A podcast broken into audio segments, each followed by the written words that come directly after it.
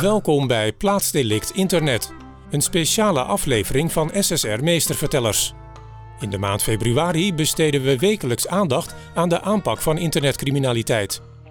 In deze aflevering is de gast Jacqueline Bonnes. Als officier van justitie is zij betrokken bij grote onderzoeken op het gebied van cybercrime. In deze podcast gaat ze in gesprek met cyberexpert Chris van het Hof en geeft ze aan de hand van een voorbeeld uitleg over afpersing met gijzelsoftware, beter bekend als ransomware. We zijn hier bij het Openbaar Ministerie in Rotterdam met Jacqueline Bonnes. Uh, je werkt hier al 16 jaar uh, als officier van justitie, waarvan de laatste 10 jaar cybercrime. Uh, grote onderzoeken doe je vooral en we gaan het hier hebben over ja, ik zou zeggen, een heel groot internationaal onderzoek naar ransomware. Um, verschillende Nederlandse bedrijven zijn getroffen door geavanceerde gijzelsoftware. Um, wereldwijd gaat het om minimaal 1800 getroffen bedrijven, vooral heel veel grote bedrijven. Uh, zeer geavanceerde ransomware, waar ook een aantal zero days in zaten. Dus kwetsbaarheden die zelfs de leveranciers zelf nog niet ontdekt hebben. Daarom vermoeden ze ook dat er een grote Russische criminele bende achter zit. Die doen dat wel vaker. Uh, nou, veel luisteraars van deze podcast die zullen ambtshalve wel eens te maken hebben gehad met gewone afpersing. Hè? Mensen op de keel geld geven. Uh, artikel 317, eerste lid wetboek van strafrecht. Maar bijna niemand zal artikel 317, tweede lid, hebben toegepast. Dat artikel gaat namelijk over ransomware. Het afpersen van een slachtoffer door diens computergegevens te versleutelen, zodat ze pas na betaling van het losgeld weer beschikbaar komen. Uh, ja, het wordt vaak niet toegepast omdat de daders of helemaal niet gepakt worden of in het buitenland blijken te zitten. Heel ingewikkeld.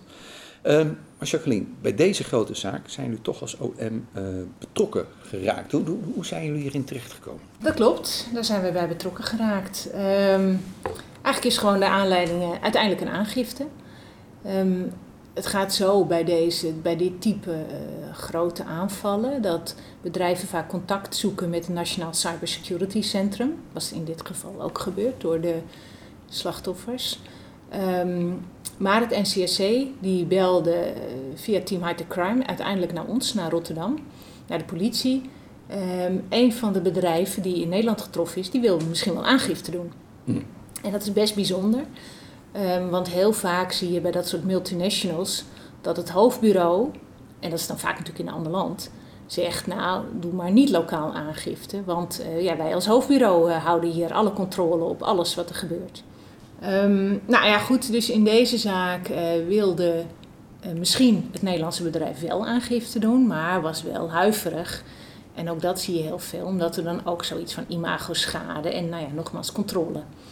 Dus uh, wat wij eigenlijk gedaan hebben is met de politie, hup in de auto gesprongen, OM mee en naar het bedrijf toe. En uitgelegd wat voor Nederland het doen van aangifte betekent. Mm. En dat het dus niet zo is dat per se uh, zoals in Amerika, alles uh, gelijk in de openbaarheid komt. Um, en dat je wel degelijk als aangever zelf ook uh, aan de knopjes kan zitten wat er wel en niet wordt gedeeld. Dus we hebben duidelijk uitgelegd dat als er een verdachte gepakt zou worden en het zou een Nederlandse rechtszaak worden, dat dan ja, natuurlijk dan wel de naam van het bedrijf in de openbaarheid zou komen. Dat valt niet te ontkennen, dat is gewoon zo. Maar ja, dat aan de andere kant het voordeel voor het bedrijf is dat, ze, uh, dat het ons een, een, beginpunt geeft om een onderzoek te starten. En uh, daardoor dat we ook de wereld voor veel leed kunnen behoeden. Ja. Dus pak je verantwoordelijkheid en doe aangifte. Maar dan kom je bij zo'n bedrijf. Um, ja, ga je dan naar de afdeling IT en zeg je: mag ik even in jullie uh, IT-omgeving kijken? Of heb je wat logfiles voor mij? Of waar zit ransomware? Hoe, hoe start je zo'n onderzoek? ja, nou ja, eerst moesten wij dus uh, praten als brugman, uh, kort gezegd, om, uh, om, om ja, vrees weg te nemen. Mm. en dan gaat het zo dat ik als officier natuurlijk vertrek. En tegen de politie zeg van nou, um, ga praten met de IT'ers daar. Inderdaad, wat er aan logfiles zijn. en wat we verder kunnen doen. Um, want je moet je voorstellen, zo'n ransomware, dat komt natuurlijk binnen door als het ware een gat in de beveiliging van het bedrijf. Ja. In een echte wereld een gat in het hek of een deur die gekraakt wordt. Dus het gat geeft misschien informatie over wie de aanvaller is geweest. Verder, um, een ransomwearer die wil natuurlijk geld hebben. Dus wat er gebeurt in de praktijk is dat het desbetreffende bedrijf krijgt een e-mail En daarin staat, eh, nou, je moet betalen. Dus via het e-mailspoor kun je misschien eh, ja, verder zoeken. En het derde is, eh, in de praktijk moet je ook altijd betalen via cryptocurrencies, bitcoins meestal. Hm. Dus dat financiële spoor zou je kunnen gaan proberen te volgen. Toen zijn we die drie sporen afgegaan. Nou, om eens maar even door te lopen. Ja. Wat, wat leverde het op? Dus eerst het, eh, het gat, zal ik maar zeggen. Het gat. Ja. Ehm, nou, eh, dat gat, dat is dan wel weer een beetje anders dan in de offline wereld.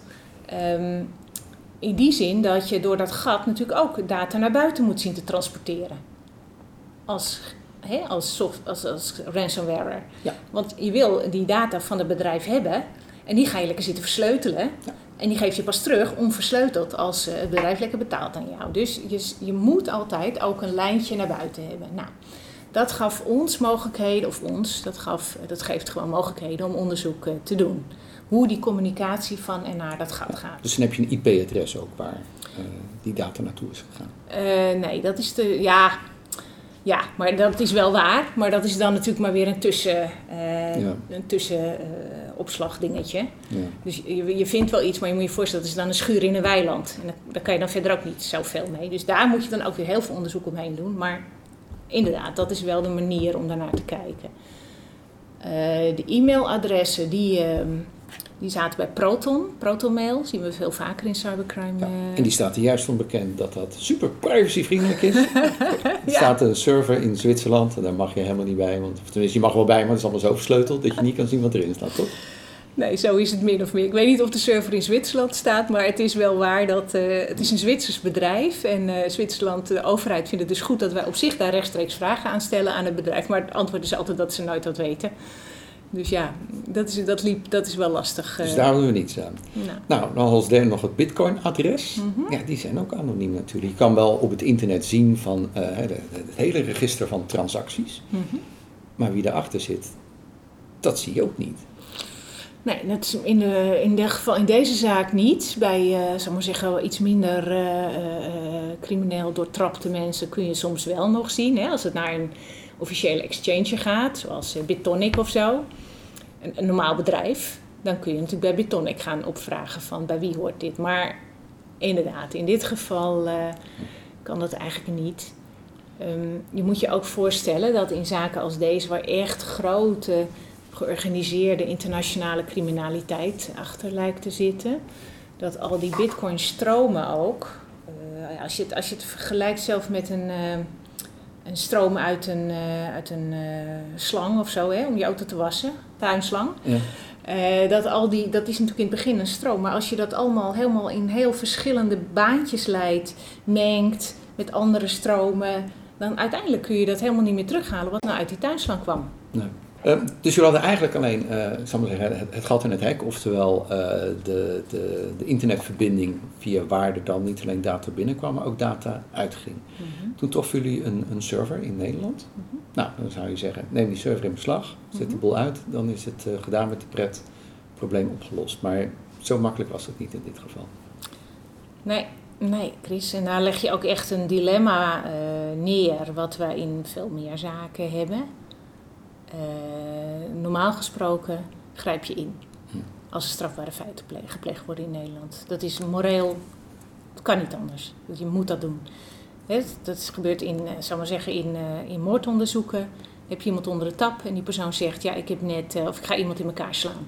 Ja, Natuurlijk moet je dan handelen. Dat, je kan niet laten gebeuren dat onder jouw ogen strafbare feiten plaatsvinden. Maar goed, dat zagen we hier dus ook via die server. Alleen als je die dan stelt, die neem je in beslag, hè, dat kan.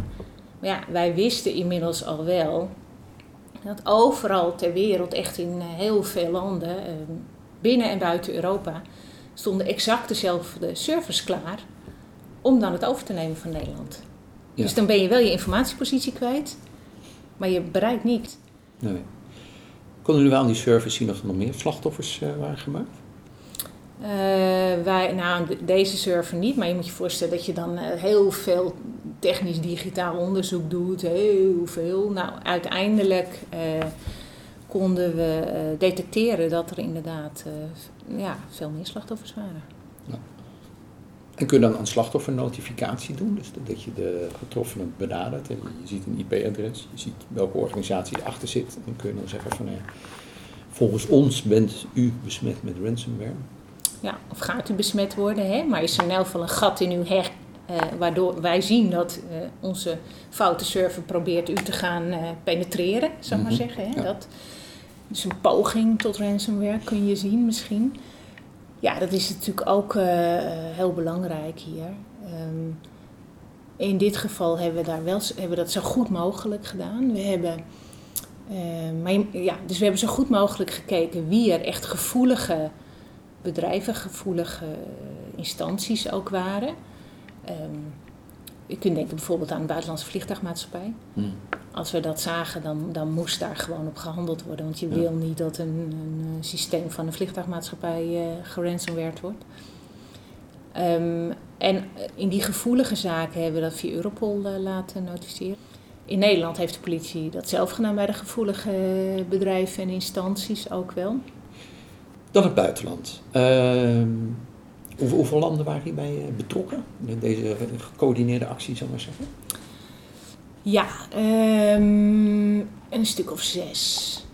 Waarschijnlijk was het natuurlijk veel groter, maar je moet ook je, je, je samenwerking uh, behapbaar houden. Hè? Dus ja. met, met 200 landen iets doen, dat, dat gaat gewoon niet. Nee. Bleef het Europees? Of, uh...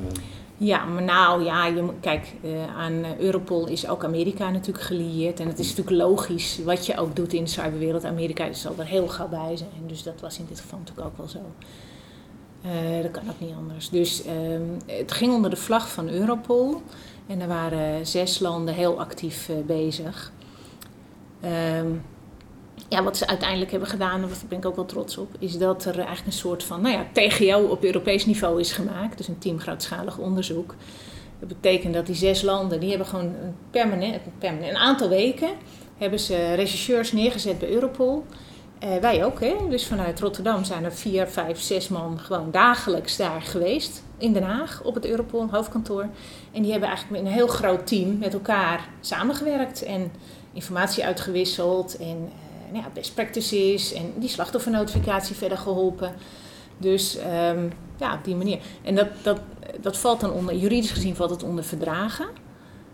Um, maar we hebben het ook als justities ook afgezegend door in Eurojust, dat schuin aan de overkant in Den Haag, uh, ook bij elkaar te gaan zitten en als leiders van de onderzoeken af te spreken dat dit mocht. Nou, en, daar zie je natuurlijk dat het wel anders is dan fysieke criminaliteit. Het is niet een feit gepleegd omdat je met z'n allen sporenonderzoek gaat doen. Nee, het, het, feit moet nog plaatsvinden. En je kijkt dan live mee op die server. Je ziet steeds meer slachtoffers gemaakt worden. Um, kom je dan ook bij, bij dilemma's als van, uh, ja, hoe meer slachtoffers je notificeert, hoe meer de, de gijzelaars misschien in de gaten krijgen dat ze op het spoor gekomen zijn en dat ze, dat ze een route gaan verleggen. Uh, krijg je dat soort dilemma's? Of, ja. of konden jullie gewoon rustig onderzoek doen en hadden ze eigenlijk niks in de gaten? Nee, natuurlijk zijn dat dilemma's, dat weet je nooit. Ja. Dat is natuurlijk ook. En, en ja, ik voelde ook wel die morele druk op mij nog steeds. Van ja, je, dit kan niet eeuwig zo doorgaan. Het moet, op enig moment moet je je onderzoeksbelang ondergeschikt maken aan het stoppen wat je kan. Um, wij hebben toen gezegd, uh, um, om het echt, echt serieus, heel goed te doen, um, dat kunnen wij niet meer vanuit onze eenheid Rotterdam. Je moet je voorstellen, ik had toen iets van tien rechercheurs. Nou ja, als er daarvan zes in uh, Europol zitten van voortdurend, dan moet ook onze eenheid nog uh, ook een beetje veilig houden. Dus ja, dat, dat kon niet doorgaan. Dus toen hebben we het uh, overgedragen aan Team Hard Crime. In dit geval zijn de daders uh, niet gepakt, maar ja, je hebt hierdoor wel veel meer geleerd over ransomware, hoe dat werkt. Nou, dat het misschien zo is dat er uh, uh, ja, ook verschillende groepen zijn. Dat groep 1 heel erg kijkt hoe kunnen we binnendringen, hoe kunnen we het gat in het, ma in het mm -hmm. hek maken, eigenlijk de hek. Ja. En dat een andere groep zorgt dat die ransomware goed werkt. Um, en de cashing out ook. Hè? Dus die bitcoins, die moet je wel. Ja, je hebt er niks aan als het bitcoins blijven. Dus waarschijnlijk is dat een andere groep die dan ervoor zorgt dat dat weer zeg maar, geld wordt. Dat hebben we sowieso geleerd. Nou, we zien steeds meer van dit soort zaken. We hebben natuurlijk Maastricht gehad, Lochem, uh, dus de Universiteit van Maastricht, uh, Lochem. Uh, recent nog Hof van Twente, Ja. helemaal plat, moest ook betalen, hebben ze niet gedaan, helemaal opnieuw bouwen. Ehm, vanuit je ervaring met, met, met dit soort criminaliteit, wa- wa- wat, zou jouw advies zijn aan de rechtspraak, dat als zij te maken krijgen met ransomware zaken?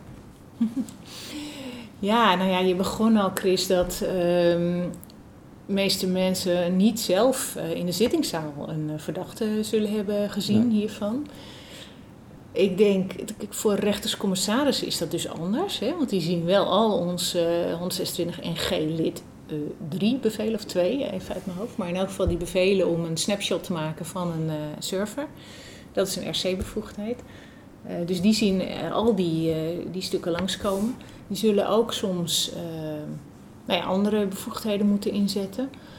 Ehm, mijn advies aan hen is om eh, gewoon goed mee te denken. En eh, ook vooral ja, te zien wat een enorm gevaar dit is. En flexibel mee te denken in die zin dat het een, een nieuwe vorm is van criminaliteit. Terwijl ons oude aanmächtige wetboek van strafvordering zo goed mogelijk probeert mee te bewegen. Maar misschien ja, dat het hier en daar knelt. Dus, en als het echt niet gaat, dan moet, moet een rechter ook gewoon nee zeggen. Ja. Maar ja, als het nog wel gaat, zou ik zeggen van eh, laten we met z'n allen in Nederland proberen om dit een eh, halt eh, zo goed mogelijk toe te roepen. Wel, want zou ik het dan zo simpel kunnen samenvatten dat een rechtercommissaris dan niet alleen moet kijken van ja, ik geef jullie toegang, eh, maar ja, je gaat toch geen daden pakken, dus doe maar niet. Nee, er is een groter maatschappelijk belang. En dat is dat je met dit onderzoek eh, in kaart kunt brengen hoe deze bendes te werk gaan. Kan ik het zo zeggen? Ja, misschien wel. Nog, nog met wat aanvullingen. Ten eerste dat we echt de hoop niet hebben opgegeven dat we iemand pakken. Hè. Dat is Ja. echt, dus het is niet zo dat we echt zeggen, nou daar richten we ons niet meer op. Het is alleen, ja, nu niet en misschien het land ook niet. Ja, probeer maar eens rechts op aan China te sturen of aan eh, Noord-Korea. Dat, dat, Ja. dat gaat natuurlijk... dat- maar ja, het betekent niet dat je, niet moet- dat je moet zeggen van dat laten we los. Nee. Het hele, wat daar vandaan komt. Ehm, dat.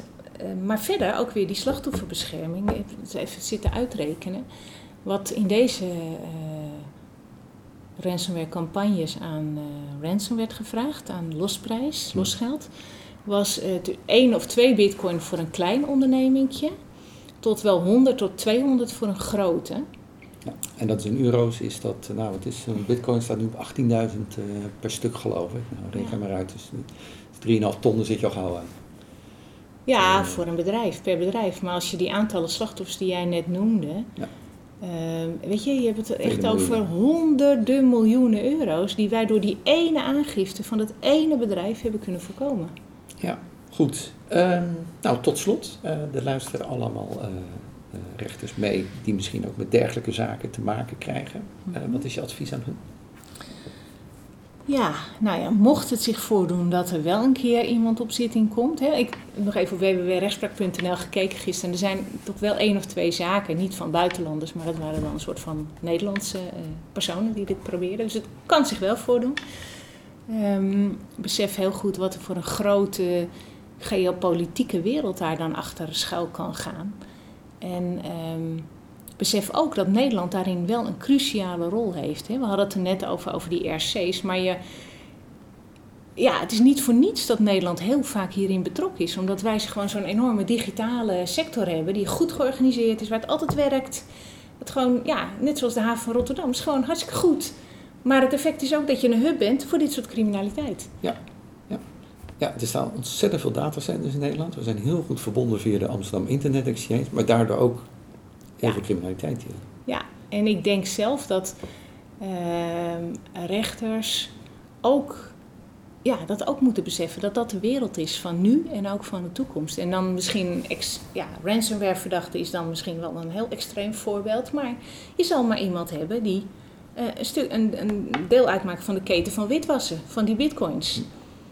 Dat zien we ook, dat eh, dat ook via Nederland soms gaat. Omdat we ook weer een goede bitcoinsector hier hebben. Dus dat geld wat daar gemaakt wordt met dit soort criminaliteit... kan best wel voor een deel via Nederland weer, hup, de keten weer terug ingaan. Dus besef ook dat al die schakeltjes van die keten eh, ook heel belangrijk zijn. Zeker. Goed, ja, cybercrime is ook een beetje een kijkje in de toekomst, hè? Ja. maar ook een kijkje over de hele wereld. Ja. Goed, hartelijk dank. Jacqueline Bonnes. Dit was SSR Meestervertellers. Wilt u op de hoogte blijven? Abonneer u dan op onze podcast. Graag tot een volgende keer.